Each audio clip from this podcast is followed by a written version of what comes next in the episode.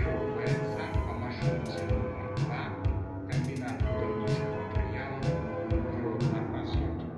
Гэта падкаст адтульны горад, а мяне завуць Даша, насупраць мяне праўкрасная спадарня Вольга Цісакова, якую я вельмі полюбіла пасля нашага з ёй апошняга спаткання і гляджу цяпер ролікі на youtube канале Катос, там дзе коцік такі на аватарке файненькі.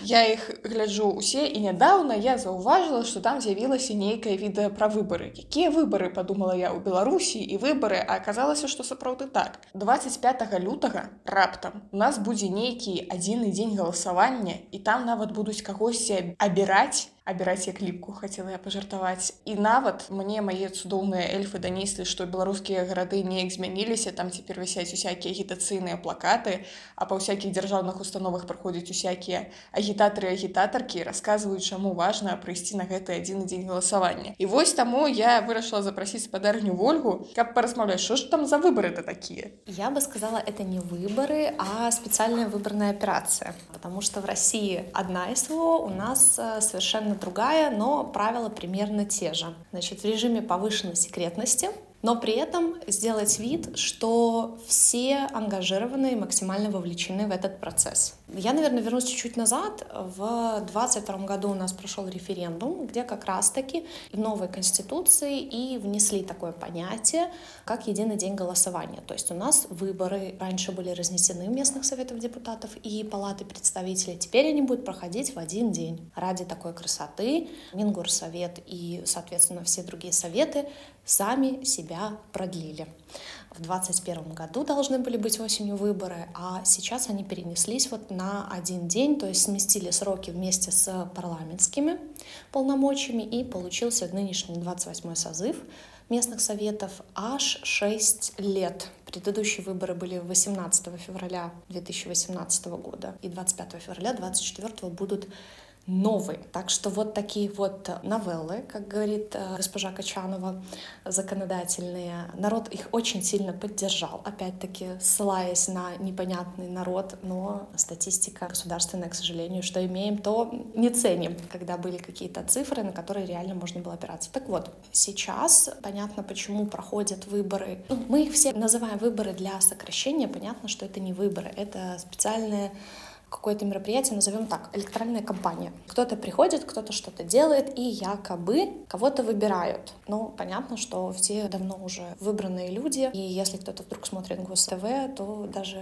они программу поленились написать сами. Я, до речи, зауважила, калі праглядала усякие гродзенскія и областные выданні, як то гродзенская праўда, якая-нибудь там ваўкавыская газета «Наш час», бераставіцкая газета з крэатыўнай назвай бераставіцкая газета. Я там не зауважила складу выбарчых камісій там ж як звычайна на папярэдніх выбараў будзе старшыня выбарчай камісіі увесь такі прыгожыць прыгожыя яны будуць штосьці расказваць пра тое як у нас усё весела адбудзецца а ў гэтым годзе чамусьці няма. І тут я даведалася што гэта сапраўды засекрэцілі. Гэта у нас цяпер сакрэцік такі. Нельга расказваць хто знаходзіцца ў складзе выбарчай камісіі хаця калі я прыйду на выбары яны што ў масках будуць? Я не ведаю як это мусіць выглядаць. Они будуць не ў масках просто у них будут только им бейджики с именами, то есть э, если раньше это было, как обычно, фамилия, имя, отчество, да, чаще там какое-то место работы, это было постановление ЦИКа еще в начале 23 года. Вполне очевидные причины я выделяю, наверное, как две основных. Первое — это очевидное нежелание людей участвовать и быть членами избирательных комиссий. По сравнению с 2020 годом, то есть это может быть не только страх, но и, в принципе, нежелание участвовать во всех этих профанациях, фальсификациях, называйте как хотите. И второй момент — это справедливое опасение. Они, конечно, я имею в виду, они как государство считают, что вот это будут какие-то угрозы членам комиссий. Если они считают угрозой, что сосед посмотрит ему в глаза и скажет тебе не стыдно видимо вот от таких угроз нужно защищать членов комиссии то есть помимо очевидных бонусов которые люди получают когда идут в члены избиркома это не только какие-то денежные денежные выплаты, потому что, естественно, эта работа оплачивается, это какие-то премии на работе, да. По итогу 2021 года, то есть перед тем, как еще было окончательно решено, что выборы местных советов сместятся на аж на два года, предварительно уже были готовы списки избирательных комиссий, но, понятно, в 2021 году это не представлялось возможным провести. Слишком свежи были воспоминания 20-го. Было понятно, что людям недостаточно было просто премии. Там на кону были прям новые должности. То есть если ты на это идешь, ты должен действительно что-то серьезное получить. Понятно, так не во всех структурах, да, сейчас со временем, наверное, чуть-чуть воспоминания поблекли, но тем не менее простые люди не попадают в эти избирательные комиссии. Поэтому государство решило их обезопасить в плане вот этого вот морального осуждения, то есть дать еще один повод, что помимо бонусов мы вот еще и никому не скажем, что вы там были. Да, вас, конечно, могут узнать соседи, но дальше эта информация никуда не протечет. Никакие киберпартизаны не найдут ваши номера, и никто, я говорю, вам не напишет, хорошо ли тебе там спалось после того, что ты сделал. Цікава, гэта мы ў папярэднім выпуску са спадаром Алексеем Шотам, які галоўны рэдактар Гродна лайф абмяркоўвалі, што вось да чаго мы дакаціліся, ананімныя журналісты пішуць пра ананімных герояў, якія знаходзяцца ў ананімным горадзе Н, а тут у людзей па той бок оказывается тыя ж самыя прыблізна праблемы.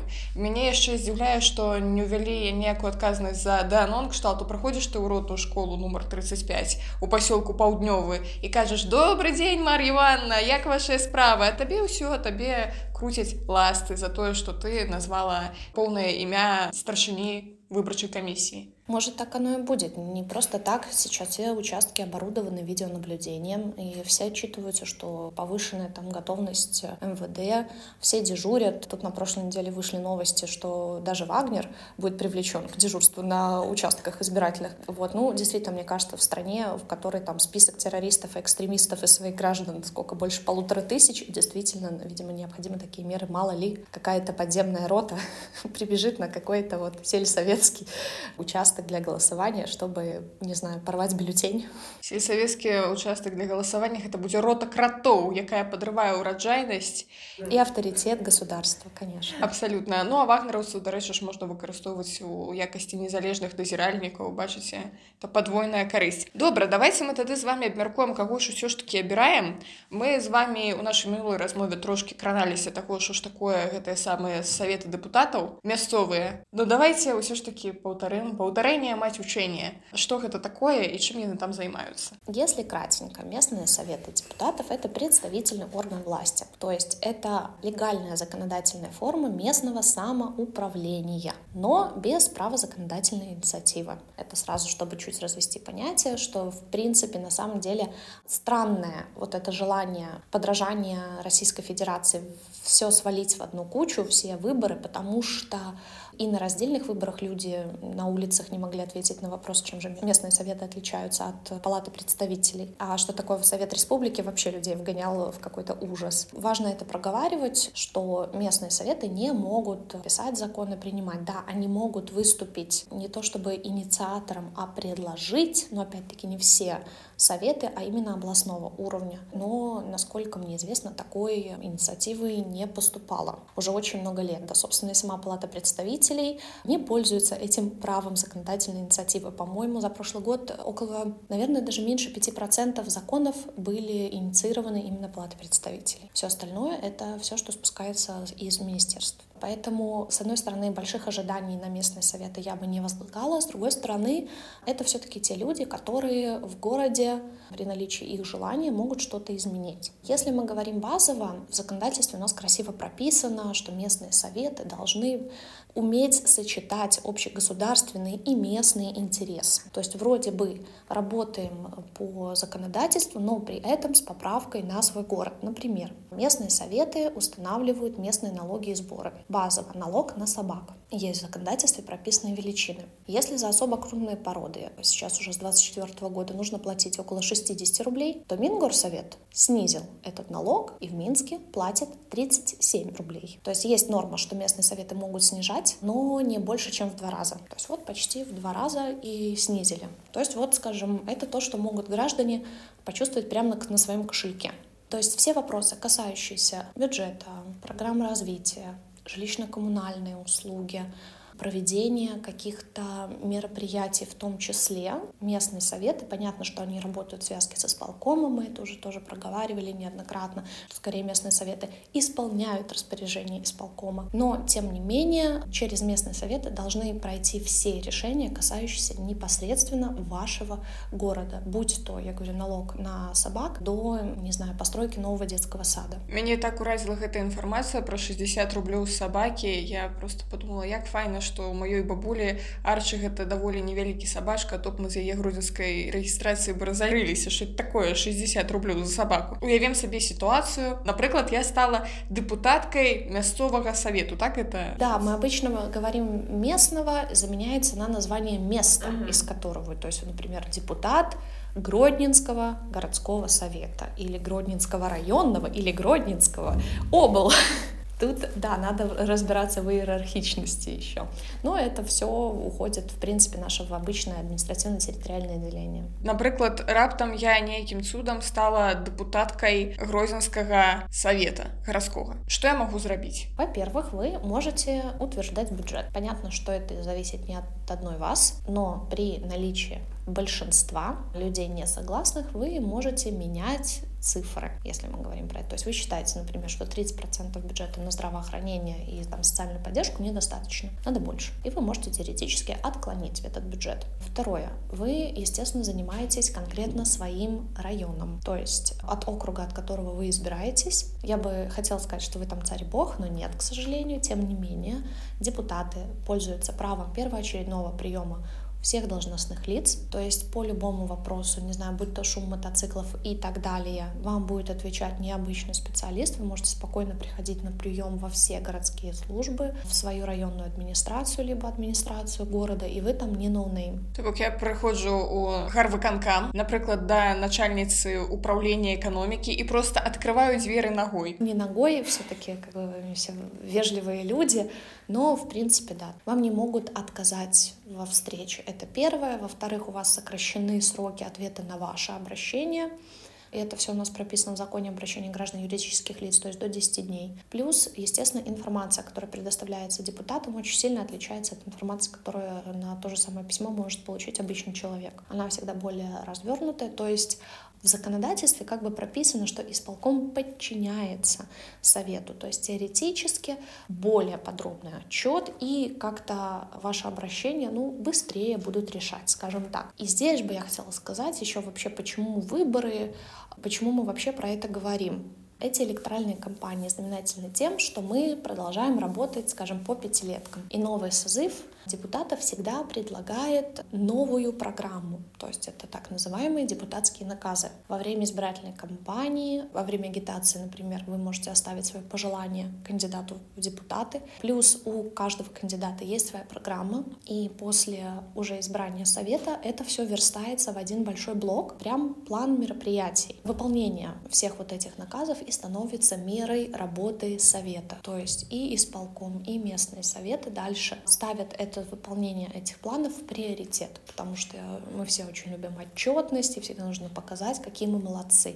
Если вы вдруг обращали внимание на высказывания председателей советов депутатов, то к концу года, всегда календарного, они высказываются скажем, такой а отчет перед избирателями не только про встречи, но и про процент выполнения депутатских наказов. Вы это так все описываете, что мне аж захотелось стать депутаткой мясцовых советов раптом. Але тут я вспомнила, что яны ж не атрымоўваюць зарплату. Это все на добровольных початках. Да, но вот внесли изменения в закон о местном управлении и самоуправлении. Теперь депутатам местных советов можно даже иметь помощника, который может помогать вам писать письма и так далее. Естественно, тоже не оплачиваемо, но уже уже, уже отлично. Опять-таки, из новаций 2023 года, а теперь в бюджете есть, скажем, блок финансов, который распределяет именно местный совет депутатов на инициативы граждан. Есть, естественно, условия конкурса, что инициаторы должны оплатить, кажется, не меньше 10% вот этой вот инициативы, а все остальное поддерживается из городского бюджета. И это именно местные советы, скажем, финансируют это мероприятие. Дарья Ольга, скажите, Кареласка, откуда такая добрая инициатива у такие темные часы? К сожалению, как обычно, все с двойным дном. Инициатива граждан — это может быть инициатива ЖКХ. Это же тоже инициатива. То есть это просто одно из направлений, которые, да, возможно, скажем, руки не доходили до чего-то, а резервный фонд направить на что-то срочное, например, где-то там поломалась площадка детская. И так уже граждане пишут, так пишут, а вот денег, ну вот неоткуда взять. И вы такие, а давайте граждане скинутся на детскую площадку, ну ладно, только 10%, а все остальное мы оплатим из резервного фонда. Вроде бы как бы и гражданскую инициативу поддержали, да, вроде бы и закрыли проблемный вопрос, который э, и не должен был бы вообще появиться. То есть, как обычно, благими намерениями дорога в ад выложены. Задумка неплохая, но практика применения неизвестна. Просто по той простой причине, что опять-таки нет списка, вот, например, инициатив. Есть отчетность, можно найти на сайте исполкома, да, с какое количество инициатив поддержали в каком районе. Но что это за инициативы, кто эти люди? Мы говорим не про фамилии, да, не дай бог, не про персональные данные, а в целом про название проекта. Что это? на што пайдуць деньги что это была за ініцыятыва давайте тады уявім сабе что я такая актывістка якая і так у свой вольны час займаецца усякімі гарадскімі ініцыятывамі добрымі і файнымі і я вырашыла что хопіць мне ўжо без мандата гэтым усім займацца пайду я ў дэпутаты ў дэпутаткі А вы кажаце там ёсць нейкія выбарчыя акругі на якія адміністратыўна-тэрытарыяльная гэтая самая адзінка падзяляецца а як яна падзяляецца у нас есть закон об административно-территориальном устройстве. Чтобы сделать проще, у нас, понятно, все делятся там деревня, село, город, район, область. То есть мы говорим про такие уровни. Административно-территориально. Пробачьте, а село у нас так само, если просто думал, что у нас вёски и агрогородки, а село, як поняток, нема. Это, я имею в виду, очень странная у нас здесь топонимика. Мы же не говорим вот деревенский совет. Мы говорим сельсовет. Да, Поэтому да. у меня уже так это язык подвешен говорить село. Вообще у нас нет такого понятия конечно. И мы рассматриваем здесь три уровня, когда, то есть, но это, казалось бы, просто территориальное устройство. Если мы говорим административно-территориальная единица, значит, там есть администрация, представленная вот каким-то исполнительным комитетом и, соответственно, вот представителем от народа, да, то есть это либо будет один человек в сельсовете, например, либо это будет несколько человек, в зависимости от количества проживающих. То есть до нас уже все поделено примерно на какие-то округа разумные, то есть то количество людей, над которыми стоит администрация, управляющая этой территорией, на которой живет какое-то количество людей. Вот так. Зразумела, то бок, например, район поделен на микрорайоны. Да. То есть это вообще для чего нужно деление? Естественно, для эффективного государственного управления. Как у поликлиницах это участковый терапевт и так само поделяется по участкам. Конечно. Здесь такая же система. Перед выборами ЦИК формирует территориальные и окружные избирательные комиссии. Если мы говорим про уровень области, это 9-13 человек. Если говорим про районы, города, то это в среднем 7-11. И вот эта комиссия вместе с исполкомом не подбивают данные по, например, по количеству проживающих, чтобы сделать более-менее равномерные округа. Понятно, где-то есть, например, город с более плотной застройкой. И в зависимости от этого, естественно, опираясь на предыдущие данные, формируются избирательные округа. В Минске в 2018 году было 57 округов, а в 2024 60 решили, что людей прибавилось, да, видимо, где-то есть эта статистика, которую нам никто не показывает, вот, и для более качественного распределения, более честного, ну, например, то есть кто-то идет от округа, не знаю, где 10 тысяч человек, а у кого-то вроде по площади тот же самый округ, но 5 тысяч человек, немножко некрасиво. Мы все очень любим красоту, чтобы у нас все сходилось. Поэтому и округа, и границы округов тоже меняются. Поэтому нет такой статичной истории, что вы можете загуглить, и вот там условно всегда вы живете на улице там Советский дом 15, он всегда входил, не знаю, там в Советский избирательный округ номер 18, и он всегда таким будет. Нет, все зависит от, естественно, от масштаба. То есть, например, для города это один округ, для палаты представителей это другой. А скажите, каля ласка, вось па вашых назіраннях, як гарады змяняюцца на папярэдні выбару, што мне адразу прыходзіць у галаву дык гэта усякая наглядная агітацыя, якой становіцца аж зашмат там такі-то дзень выбары палаты прадстаўнікоў вось гэта ўсё. Помимо вот этой вот истории нужно отдать долг родине прийти проголосовать. Я не буду уже цепляться к этой фразе, но она сама ужасная. Мне літаральна такую фразу і казалі. Дарэчы, гэта быў 19 год, гэта былі выборы акурат у палату прадстаўнікоў. Да мяне падайшла куратарка групы, значит я вучылася ў гродзенскім універсітэце і сказала, што от удар'я трэба аддаць дух родине. Я бы сказала, что я вообще ничего не должна родине. Отношения государства и человека основаны на финансовой истории. То есть технически эта родина мне должна за то, что я плачу налоги. Я ей, собственно, за это и плачу, чтобы она как-то функционировала, меня защищала, меня лечила, строила мне там дома, школы, делала удобный транспорт и так далее. То есть я это оплачиваю, точно так же, как оплачивает ну, там, моя семья, мои друзья и все прочее то, что я, оказывается, еще что-то должна, ну, это очень интересно, особенно в формате выборов. Естественно, если мы говорим, ну, чуть-чуть абстрагируясь от э, белорусской системы, участие как таковое, в непосредственное участие, опосредованное участие в управлении страны, я считаю, это нормальная история. Но она не может выйти просто так. Нет такого, что ты просыпаешься неожиданно, такой думаешь, хм, пойду-ка я на выборы. Сознательное участие в выборах — это процесс обучения. Была попытка, я так понимаю, вот в этих школьных курсах обществоведения рассказывать. Плюс, если ты действительно понимаешь, что идет настоящая политическая борьба, и от кандидата, который придет там на выборы, будет что-то зависеть, ты можешь свои симпатии высказать, тогда да, конечно. То есть я считаю, в целом участие в выборах, абстрагируясь от контекста, нужно. Это не долг, это ваше право. Говоря про Беларусь, почему я говорила, что это специальная выборная операция? Потому что вот оно как-то, вот я говорю, оно все вроде на виду, вот выборы, выборы, но как-то все ползком. Читала как-то одну районочку, и там началась рубрика, аккурат, наверное, за месяц про замечательные люди нашего района учитель, какой-то железнодорожник и целое интервью. А потом оказывается, что эти люди идут в депутаты. Но про это как-то вообще даже не рассказывается. То есть период агитации активный у нас начинается только за 25 дней до выборов. То есть с 31 января можно за себя агитировать. А тут уже с конца декабря уже так как-то опосредованно. Тихушная агитация, назовем это так, скрытая. Нативная агитация. Или встречи с гражданами, которые сейчас проходят. Есть такое понятие, как единый день информирования. Первый вторник каждого месяца, что-то такое, в общем, Академия управления при президенте при подключении определенных определенных министерств готовит текст, то есть это прям можно найти в гугле и на сайте исполкомов. Тема месяца. Естественно, тема месяца — это выборы февраля. Что это за такой единый день информирования? Это когда все структуры государственные должны его у себя провести. Все зависит здесь от руководителя. Это, конечно, он может просто вести журнал и сказать, да, мы читались. Это может быть собрание, что вас раз в месяц собирают и на планерке говорят, кстати говоря, тема вот такая. Или это то, что делают депутаты и местных советов этой палаты представителей. У нас есть такой пункт, как встречи в трудовых коллективах, и чаще всего встречи в трудовых коллективах — это как раз-таки почитать вот с этой распечаточки темы единого дня информирования.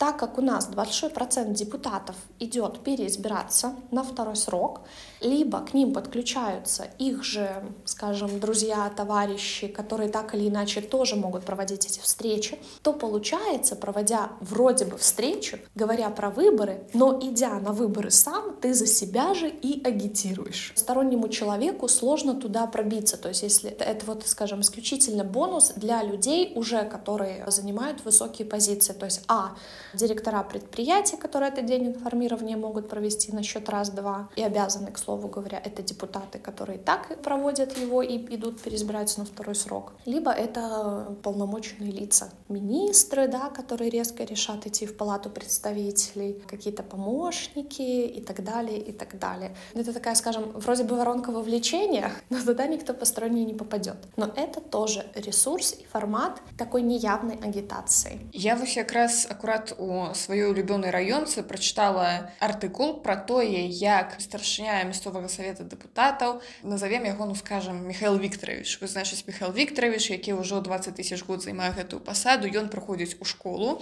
і школьнікамі школьніцам вось дарэчы да пытання адукацыі расказвае пра тое што такое выбары і як трэба ў іх удзельнічаць ну, зразумела што на сустрэчу з усякімі михаилами викторовичамі праходзіць яшчэ настаўніцы дырэктарка школы і ўсе астатнія зацікаўленыя у тым каб дзеці не прагульвалі уроки. То есть это использование административного ресурса в своих целях. Естественно если мы говорим про нормальную организацию выборов на всех этих людей можно было заявлять то есть подавать прям в суд потому что это нарушение избирательного кодекса. Михаил Викторович я не буду на вас подавать у суд вы хороший ёсць яшчэ такая гісторыя што ў нармальнай сітуацыі людзі абіраюць кагосьці там у палату прадстаўнікоў тую ж Таму што гэта добры варты чалавек які будзе прадстаўляць нашы інтарэсы а бываюць сітуацыі як у адным з раёнаў грозенскай вобласці калі старшыня выканкама настолькі ўсім надаеў што грамадзяне і грамадзянкі успрынялі проста з задавальненнем і натхненнем тую інфармацыю што ён пойдзе балатавацца значыць палату прадстаўнікоў і такія так так так прагаласуем толькі па поезжаю свой Минск, как мы тебя не бачили. Вы когда-нибудь сутыкались с такими историями? Конечно. Я же говорю, здесь сложно говорить о нормальной избирательной системе и нормальном функционировании представительной власти. У нас это тоже вертикаль. И палата рассматривается как, скажем, такой островок, не то чтобы отправить людей на пенсию, кого-то так можно, скажем, аккуратно подвинуть, но, в общем-то, это площадка, куда можно отправить человека уже закончившего свой трудовой путь в каком-то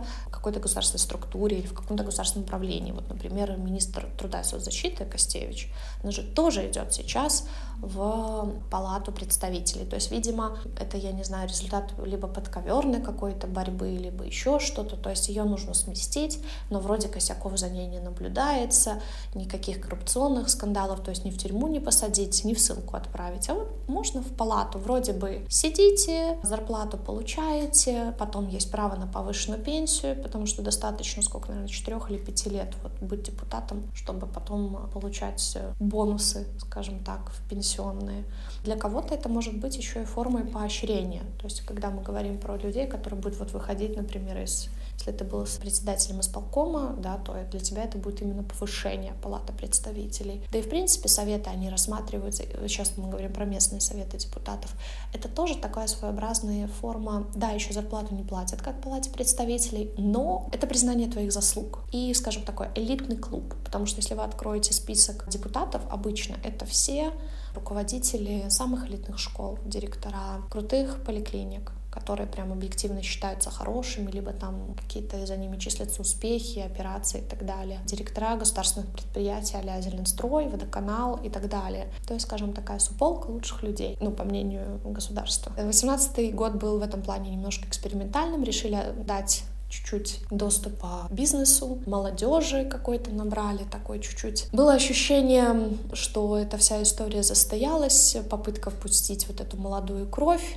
и, в принципе, да, 18-19 год казался очень либеральными. Но, видите, они об этом очень сильно пожалели, и сейчас, конечно, лишних людей не будет вообще. Яшчэ змены ў гэтых выбарах у параўнанні з папярэднімі гэта тое, што яны прыдумалі менавіта адзін дзень галасавання. Я так разумею, што прагаласаваць можна толькі 25 лютага. Почему есть еще досрочная так, яшчэ захоўваецца датэрміновая да. так Таму што я не зразумела па ўсіх гэтых артыкулах есть, есть досрочная конечно почти неделя Дзякуй Богу яго то і усхвалявалася. Яшчэ чамусьці у іх ёсць нейкія паказчыкі па датэрміновай яўцы і яе неяк забяспечваюць і прынцыпова менавіта каб як мага больш людзей прыйшлі прагаласавалі датэрмінова. Я не ведаю у чым сэнс. Можа быть вы мне адкажце на гэтае пытанне Хочется, знаете, быть очень политкорректной, но не получается. Естественно, все заинтересованы, чтобы увидеть, какое количество избирателей уже пришло, чтобы примерно прикинуть результаты. Нягледзячы на ўсе гэтыя махінацыі, відавочныя нам. Наколькі я памятаю з вашага роліку на Ютубе, вы ўсё адно заклікаеце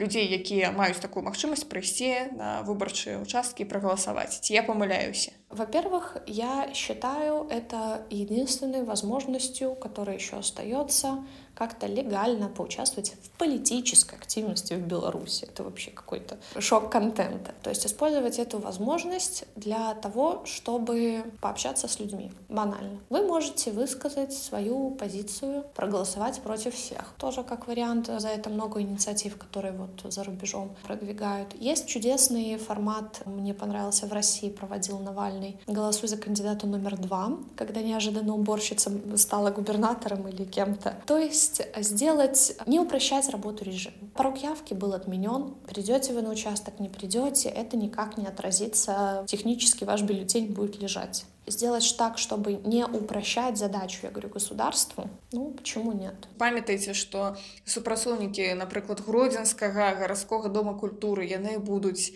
рабіць там песни и пляски на выбарчых участках. Ну, это Качанова, да, все продвигает, что вот это праздник с буфетом. А то, конечно, в другой день у тебя и не праздника, и не буфета.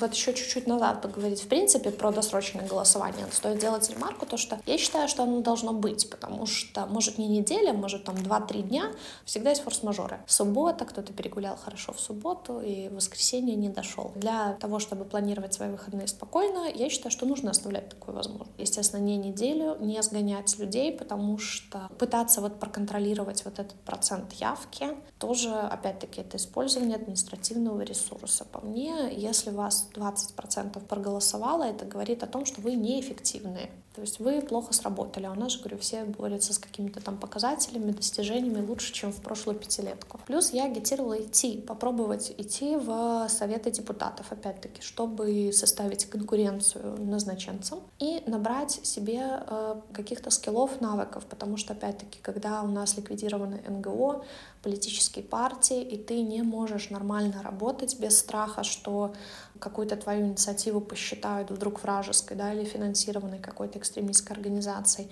то это легальный вообще был формат походить по подъездам, пособирать подписи, поговорить с людьми, написать программу, то есть сделать свое мини-исследование о проблематике района, не опираясь там на, говорю, опять-таки, Белстат и суперцифры, как у нас все классно.